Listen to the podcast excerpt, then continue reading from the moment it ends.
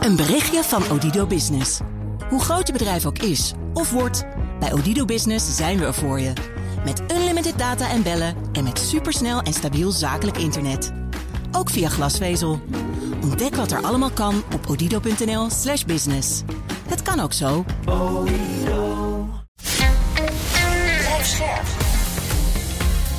BNR Nieuwsradio. Boekenstein en de Wijk. Hugo Reitsma. Welkom bij Boekenstein en de Wijk. Het is woensdag, dag 532 van de oorlog in Oekraïne. Bij ons is Hand en Broeke, directeur politieke zaken bij HCSS, als vervanger voorop. Maar we beginnen bij Arjan, die heeft gestudeerd op de grond. Ja, ik heb mijn Patrick-muts opgezet. Hè? Even kijken, we beginnen met een beperkte aanval van Oekraïne uh, over de rivier de Dnipro, hè, waar we vaak over gesproken hebben. Het is, uh, ze zijn geland in het oosten daarvan, dus de linkeroever hè, van die rivier. Hm. Ja. Kom je dus in Gerson uit. Hè. Het is onduidelijk of daar permanente presentie is, maar het gaat om zeven boten met elk zeven soldaten, zes tot zeven soldaten, nabij het dorpje Kozachi Lahiri. Mm -hmm. Ze zijn door de Russische defensie heen en 800 meter zijn ze uh, gepenetreerd, zeg maar. En ze hebben gebruik gemaakt van een Russische troepenwisseling, eh, waardoor ze zwak is. Dat vertelt veel over die oorlog. Hè. Dat probeert Oekraïne te doen. Als er een Russische troepenrotatie is, dan kan je uh, toeslaan. Ja, nou, ik zag ergens van een Russische mailblogger die zei dat die VDV, dat is luchtlandingstroepen, dat zijn de betere troepen, dat die daar waren weggehaald door de Russen om ja. de verdediging in de Zaporizhia te versterken. Dus ja, ja, dat geeft dan Oekraïne aan, aan de andere kant weer mogelijkheden om te prikken. Ja. Nou, dan gaan we naar, naar het, noordoosten, de Kharkiv-regio. Je weet dat daar de Russen met een opmarsje bezig waren. Maar die aanval op Kupiansk die is nu afgeslagen, zeggen de Oekraïners. Nou, verder is Oekraïne dus bezig met een offensief richting Berdjansk en ook richting Melitopol. En daar worden hele kleine, kleine vorderingen gemaakt. Hetzelfde geldt voor uh, in Bakhmut, waar we al heel vaak over praten. En er was maandagavond een aanval op Pokrovsk. Dat is dus ook in het oosten. Dat is een hotel en een appartement en een uh, appartementenblok en een restaurant. Twee kruisraketten. De ene. En uh, de one-two punch noemen ze dat. Hè? En dan komen de veiligheidsmensen, rescue workers. En dan komt de andere. Waardoor dus negen doden en, en 81 gewonden. En onder, ja, onder ja. hen veel uh, hulpverleners, begreep ik. Hè? Ja. Dat is echt een hele smerige tactiek. Ja, dat is echt de Al-Qaeda-tactiek. Ja, die deed dat ook. Ja, met zelfmoordaanslagen. Ja. Ja. ja. Nou, verder is er in, uh, in de regio Moskou, daar staat een, een, militaire fabriek en die maakt allerlei militaire goederen. En sommige mensen zeggen zelfs dat er ook die T-80 en T-90 tanks gemaakt worden. Nou, de plaats heet Sergeyev Pozad. En daar is een enorme explosie is daar uh, plaatsgevonden. Tien Ik zag gevonden. de beelden, gigantisch. Ja, en je hoorde ook de, Russ de, Russische familie die dat vanuit de, vanuit de flat uh, filmde, hoor je ook helemaal uh, zich verbazen erover. En of dat door Oekraïne gedaan is, dat weten we allemaal niet. Nee, nee. Jij vertelde me, Hugo, dat de Russen zelf zeggen dat het een vuurwerkfabriek was. De, of zo, de, hebben dat in een officiële verklaring naar buiten gebracht. Ja, maar op, op beelden online zie je dat er wat artilleriegranaten uit die wolk naar beneden zijn gekomen. Dus uh, misschien toch weer niet helemaal waar wat de Russen hier uh, vertelden. Lijkt me ook, ja. Nou, verder zijn er twee Oekraïnse drones bij Moskou neergeschoten, door neergehaald door de Russen, als het klopt. Eentje ging over Zuid-Moskou uh, naar de Dome de Dovo. Een mooi woord? Dome de Dovo. En de andere op de Minsk Highway District, in het westen van Moskou. Nou, dat zou erg jammer zijn als dat allemaal waar is. Hè? En dan is er nog een. We hadden al eerder gezegd dat Oekraïne verwacht dus ook deze winter weer aanvallen op de energieinfrastructuur. Hè? Ja. En gelukkig hebben de Russen natuurlijk ook een, een, tekort aan drones en raketten. Maar goed, dat gaat natuurlijk wel gebeuren in de herfst. En daarom zijn ze nu met vereende krachten bezig om de kerncentrales die ze nog hebben onderhoud te plegen en zelfs uit te breiden. Ze hadden dus 15 reactoren bij vier centrales. Nou, Zaporizhia is natuurlijk een probleem. Hè? Nu hebben ze nog negen reactoren en er wordt dus heel hard gewerkt om dat dan te doen. Want ze konden in het verleden dus de helft van de energievoorziening konden ze nucleair doen. Wat, je, wat je ziet, hè, kijk, jullie doen elke dag doen je het overzicht van wat er die laatste 24 uur is gebeurd. En voor iemand zoals ik, die niet elke dag naar de podcast kan luisteren, moet ik eerlijk bekennen. Wat, wat zeg je nou? Dat, dat kan toch helemaal niet? Ja, ik doe mijn uiterste best. Ik heb altijd hele goede redenen om dat dan te doen. En daar excuseer ik me ook bij Aantje Jan voor. Ehm, is dat, dat als je even uitzoomt, wat je ziet is natuurlijk het beeld wat jullie wel al heel vaak hebben gepresenteerd met Rob erbij.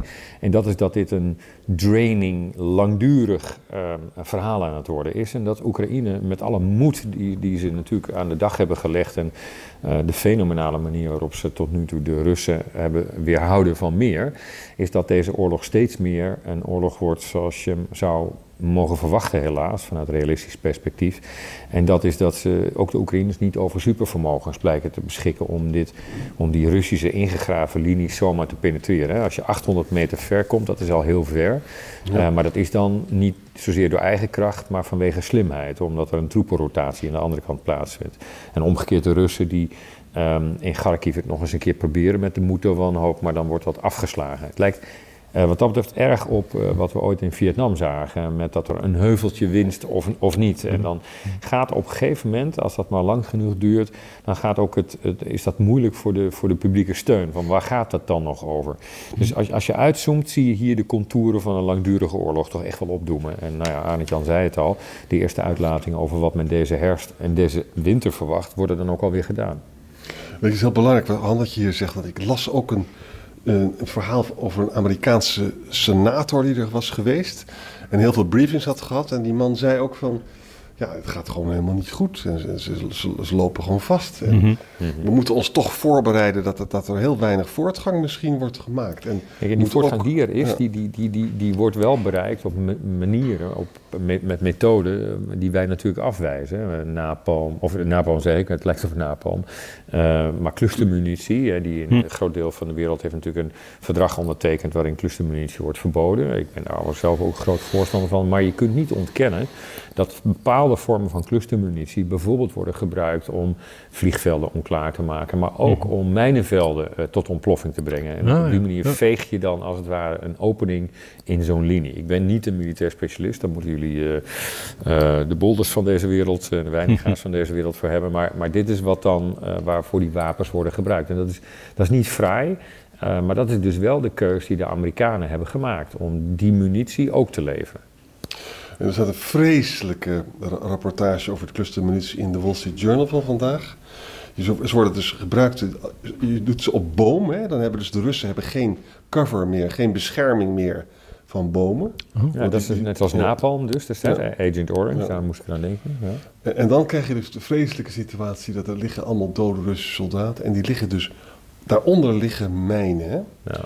Dus we are demining the fields with bodies. It's awful. Weet je, dit soort. Het is echt uh, ja. vreselijk. Ja. Het is af en toe goed om ook even de gruwelijkheden van die oorlog weer in, in, beeld te brengen. Want dat is natuurlijk elke oorlog. Maar het wordt, er wordt echt geen, geen middel onbenut gelaten door de Russen. Uh, dus uh, het, is, het is totaal uh, ja, immoreel.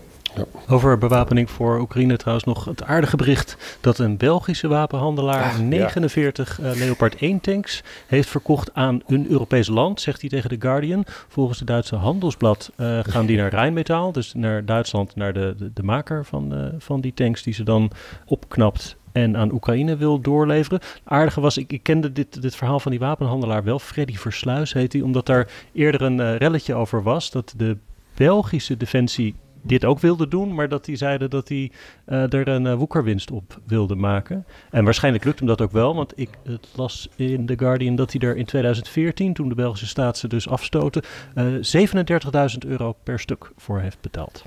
Dus dat, Je hebt het over Leopard 1, hè? Geen Leopard 2. Nee, de, de 1. Nee, zou het. En al helemaal niet de Leopards die wij hebben verkocht aan Finland uiteindelijk. Ja. Of waar ze overigens beter stonden dan, dan bij ons thuis. Um, maar uh, het zegt alles over dat het het slechtste mensen naar boven. En ik zag overigens die reportage, maar hij heeft er nog veel meer. Hè? Ik geloof dat hij een derde van zijn voorraad en nu dan heeft afgedragen aan Rijnmetaal. Ja. Overigens, je kunt bijna gokken welk land het dan betaald heeft. Het is het land wat altijd alles betaalt in Europa. Maar dit is dus de manier waarop de Duitsers, vermoed ik althans, um, het nog net niet helemaal voor het woord willen hebben, maar, maar, maar toch al hun, hun bijdrage weer hebben geleverd. dat is ook de manier waarop Nederland het uh, vaak deed. Hè? De tanks elders kopen en ze dan uh, doorleveren. Ja. dit waren oude Belgische tanks. Ja, nou, zomaar daarvoor. Hey, we wilden het zo nog even hebben over uh, veiligheidsgaranties. Maar niet dan, zei jij, Han, nadat wij eventjes hebben gekeken naar Niger, waar de, de junta weer Ja, we hebben natuurlijk gisteren en eergisteren hebben we een uitstapje gemaakt naar Afrika. En ik vind dat ook, ook, ook logisch, ook omdat er een direct verband is met Oekraïne. Um, uh, je ziet in, in uh, met name West-Afrika, uh, zie je natuurlijk nu een aantal landen achter elkaar omvallen. Dat wil zeggen, daar, daar worden koeps gepleegd, terwijl daarvoor ofwel heel veel westers geld naartoe is gevloeid. Of het begon met de mhm. ontwikkelingssamenwerking, daarna vaak militaire ondersteuning voor de bedreigde regeringen. Um, ja, en dan vallen ze uiteindelijk alsnog um, als domino-stenen om. Dat geldt voor Mali, waar natuurlijk ook Nederlandse militairen hebben gezet. Dat geldt voor Burkina Faso. Burkina Faso. Um, en dat geldt nu ook voor Niger. Uh, Jan wist gisteren zelfs duidelijk te maken dat het eigenlijk dat je een hele band ziet van, van, van coast to coast. En wat mij gisteren dus opviel, is dat die junta, want we hebben toen gezegd, ik heb volgens mij gezegd van ik hoop iets van de ECOWAS, dat is een soort van samenwerkingsverband van West-Afrikaanse staten. Mhm. En dat die ECOWAS, die nu sancties heeft afgekondigd en toch ook al een zeven keer militair in um, Afrika heeft ingegrepen, dat die uh, president Bazoum, die daar gevangen is gezet, te hulp zouden willen komen. Uh, en misschien ook een, een interventiemacht op de been zouden kunnen brengen. Daar lijkt het vooralsnog niet op. Hm. Uh, landen als Nigeria en Senegal, die normaal daarvoor wel troepenleveranciers zouden kunnen zijn, die aarzelen nog. Ja, en die junta merkt dat. En die hebben gisteren dus een show of unity, een display van uh, hun eenheid laten zien door een voetbalstadion af te huren, daar heel veel publiek neer te zetten. En daar werden niet alleen um, vlaggen uit Niger, maar ook heel veel Russische vlaggen werden daar gezwaaid. Ja. En dat geeft dus iets aan over niet alleen het anti-Franse, anti-Westerse gevoel, maar ook hoezeer uh, de Russische, um, uh, het Russische optreden nog altijd in een groot deel van de wereld, en niet in de laatste plaats in uh, Afrika, resoneert. De Amerikanen merken dat, die sturen dan direct, nou ja, die naam kennen we, mevrouw Victoria Nuland, ja. in 2014 nog te vinden op het, in, in, in, Kiev. Um, naar Niamey, de hoofdstad van Niger. Uh, en die heeft daar niet heel veel gezegd. Uh, behalve dan dat ze zei dat waren zware en eerlijke gesprekken. Dat geloof ik direct. Met moeilijke momenten? Met moeilijke momenten. En, en zij zelf is ook nogal stevig. Dus dat, dat, daar, die zal ook weinig bla, een blad om de mond hebben genomen. Staat niet bekend om haar diplomatieke vaardigheid. Althans niet op, uh, op, op dat vlak. Ze is wel echt een stevige onderhandelaar. Hm. Um, en zij zei van ja, het is niet grondwettelijk wat er gebeurt. Nou, dat konden wij met z'n drie ook nog wel verzinnen. maar de bedoeling daar van die opmerking is dat de Amerikanen hun steun aan dit soort landen en Niger was een grote ontvanger van Amerikaanse steun en is dat nog steeds, dat die steun in gevaar komt omdat dan de Senaat um, uh, daar een, een, einde aan kan maken. Blinken, dus dat is de baas van Victoria Nuland, uh, Tony Blinken zei van ja, deze coup is de volgende opening voor Rusland en Wagner om een proxyoorlog hier uit te voeren. Dus Blinken legt eigenlijk de vinger bij het punt wat wij de afgelopen twee dagen ook hebben benoemd en dat rechtstreeks verband houdt met de oorlog in Oekraïne. Ja, ja, ja. En, Frankrijk krijgt heel erg de, de, slechte kaart in het hele verhaal. Hè? En ik las er nog wat meer over gisteravond. er was ook een, eh, een, een professor Afrikanistiek in Nieuwsuur die het uitlegde. Wat hij met name achter is niet zozeer dat Frankrijk, Frankrijk daar zo nog zo vreselijke dingen doet, maar het is juist andersom. Het is zo dat de regimes vinden dat Frankrijk te lief was tegen de jihadisten. Ja. En daar hadden ze dus te veel last van. Hè? Uh, en, de, met, en, en nou zie je dus hoe dat Maar ik denk ook dat dat de reden is, Arntjan, dat een aantal andere Afrikaanse landen nog even aarzelt. Want ze, ze, ze hebben dus laten zien uh, dat ze wel bereid zijn om de democratie, um, uh, die daar natuurlijk zich nog aan het ontwikkelen is, om die te steunen. maar ze zijn veel harder in hun aanpak van het jihadistische gevaar. En, en zeg maar, met name dan de Al-Qaeda in de, in de Maghreb en in de, in de, rondom de Sahel. Um, uh, om die hard aan te pakken. Nou, dat is, dat, dat, dat is aan de Amerikanen wel besteed. Uh, wij zijn daar te beverig voor, maar goed. Ja, hm. het, het en Wagner die kan dat ook. Hm? En Wagner doet dat natuurlijk uh, op ja. een wijze die de Afrikanen aanstaat. Ja. Hm. Door naar die veiligheidsgaranties. Het lastige probleem van hoe de veiligheid van Oekraïne voor langere termijn te garanderen. Ja, Hugo, ik kwam, ik kwam iets tegen en ik dacht dat het misschien toch goed om dat even te noemen. Want ehm, eh, jullie hebben het in je podcast heel vaak gehad, ook uh, met name rondom de top in Vilnius, die nu alweer een maand geleden, geloof ik, uh, heeft plaatsgevonden. Waar natuurlijk Zelensky de teleurstelling moest ondergaan dat hij niet het de directe pad naar de NAVO-lidmaatschap werd geboden. Mm Um, wat gaat er dan gebeuren, is de grote vraag. Hè? Welke langetermijn garanties gaat Oekraïne krijgen? Kijk, dat ze langetermijn veiligheidsgaranties moeten krijgen naar hun moedige uh, oorlog, die eigenlijk, want zij bewaken op dit moment de veiligheid op ons continent.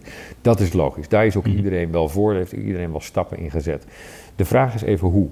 Zeg maar, de voorstanders uh, die zeggen er moet gewoon nu een LAVO-lidmaatschap komen. Daar is, mm -hmm. eigenlijk niks meer te doen. Ik meen aan Jan, maar kan het fout hebben dat jij daar ook toe behoort. Dat zijn de. de, de, de ja, pas, goed, de pas, als er een staakt het, ja? ja? pas als er een staakt het vuren is, ben ik er voor. Oké, okay, ja, nou die voor, dat vind ik wel logisch. Ja. Dan heb je uh, de nou, nou, ho, ho, wacht even. uh, ik denk dat Rob daar misschien toe behoort, ik zelf zit daar ook wel een beetje in.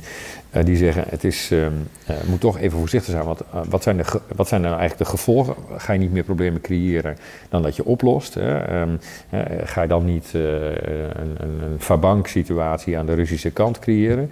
Dan is er de tussenvorm, die noemen ze uh, de armed neutrality, gewapende hm. neutraliteit. En dat is dat het Westen gaat dan door met wapens en trainingen, maar doet geen formele toezeggingen om de toekomstige Russische agressie zelf aan te pakken. Dus boots hm. on the ground zou dat kunnen betekenen. Nou, dit artikel wat ik tegenkwam, en even de, de naam van de schrijver kwijt, maar... Rajan uh, Menon, Rajan Menon. Kijk dank In die Indiaanse naam, denk ik. Ja goed, ik had even een senior moment, maar blij dat jij dat direct uh, nam met op te lossen.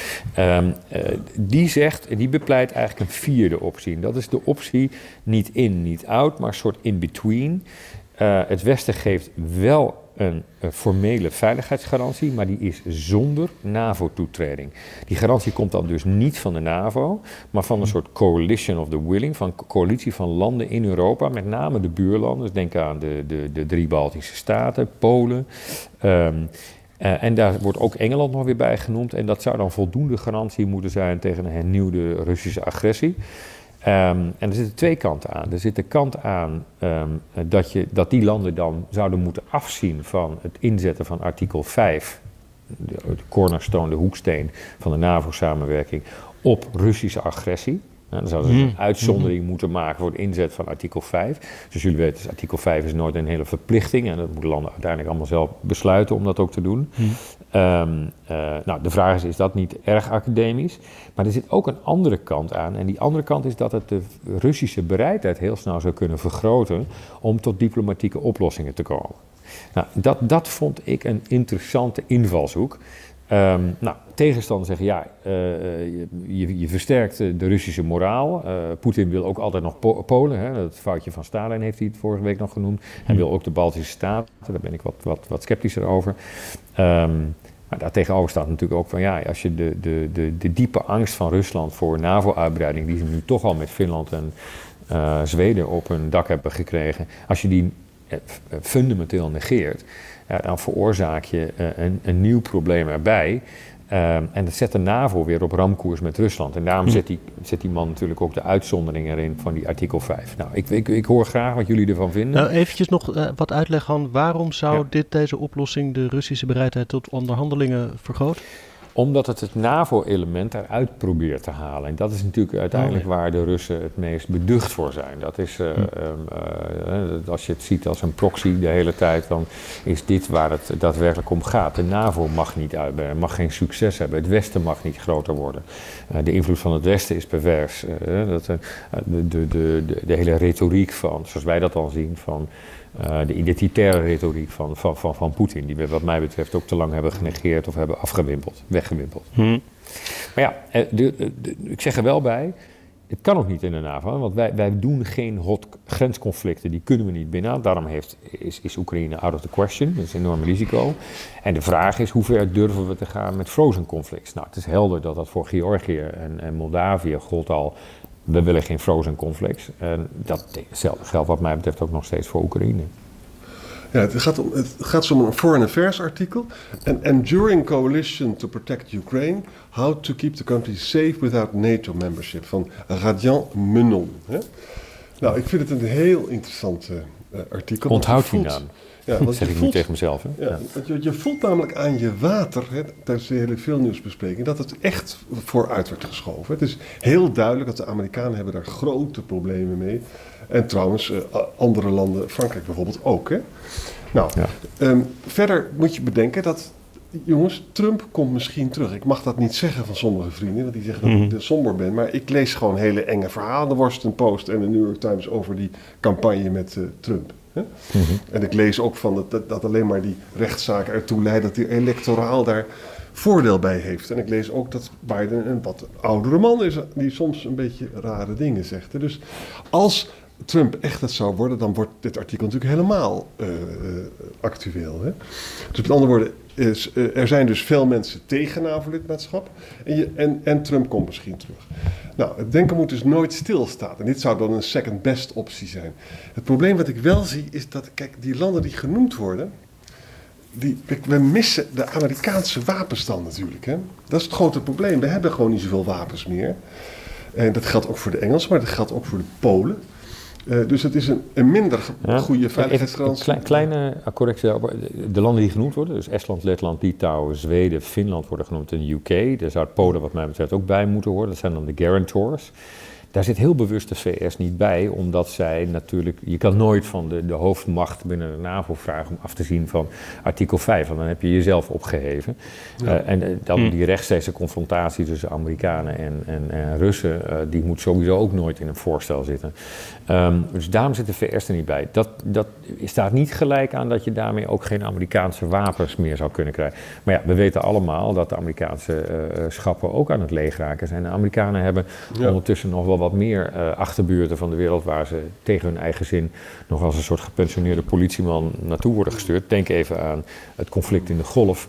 Uh, dat gaan we dan niet bespreken, geloof ik. Moeten jullie dan met, uh, met de volgende op, uh, vervanger van Rob doen. Ja. Maar daar hebben de Amerikanen net weer 2000 mariniers naartoe gestuurd. En, op Iran. En dat, daar zijn een aantal landen zijn daar heel erg druk mee. Ik denk bijvoorbeeld aan, aan Israël, of sorry, aan, aan Verenigd Koninkrijk, wat, wat hele andere teksten over Iran nu aan, aan uitsluit. Maar, maar goed, Iran is één brug te ver ja, op dit moment. Maar, er, is nog een ander bezwaar. Ik probeer gewoon eventjes het on face value te bekijken. Van, Artikel 5 wordt dan dus uitgeschakeld hè, door die NAVO-lidstaten. Voor één land. Voor één land ja.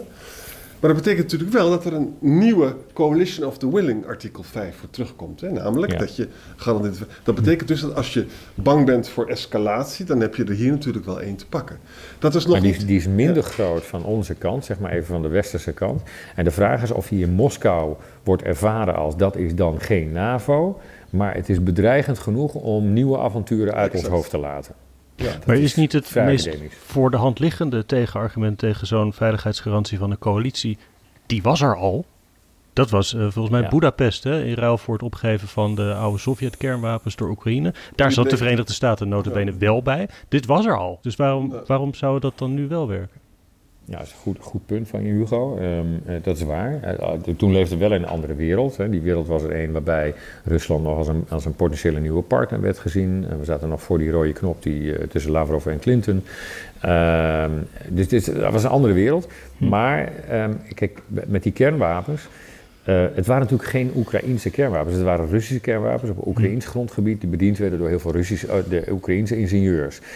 Het, het, het, het vervelende van het verraad, als je het zo zou willen zien, van die westerse landen, moet overigens één land worden uitgezonden, want Frankrijk heeft daar toen al een caveat op aange, aangetekend, is dat de rest van de wereld waar autoritaire regimes aan de orde zijn en die een buurland hebben wat ze vrezen, of waarvan ze vrezen dat daar een kernwapen wordt ontwikkeld, dat die allemaal op een holletje naar kernwapens zijn gaan zoeken. Ja. En dat elke uh, failed state op de wereld hieruit één les heeft getrokken. Je kernwapens moet je nooit opgeven. Ja.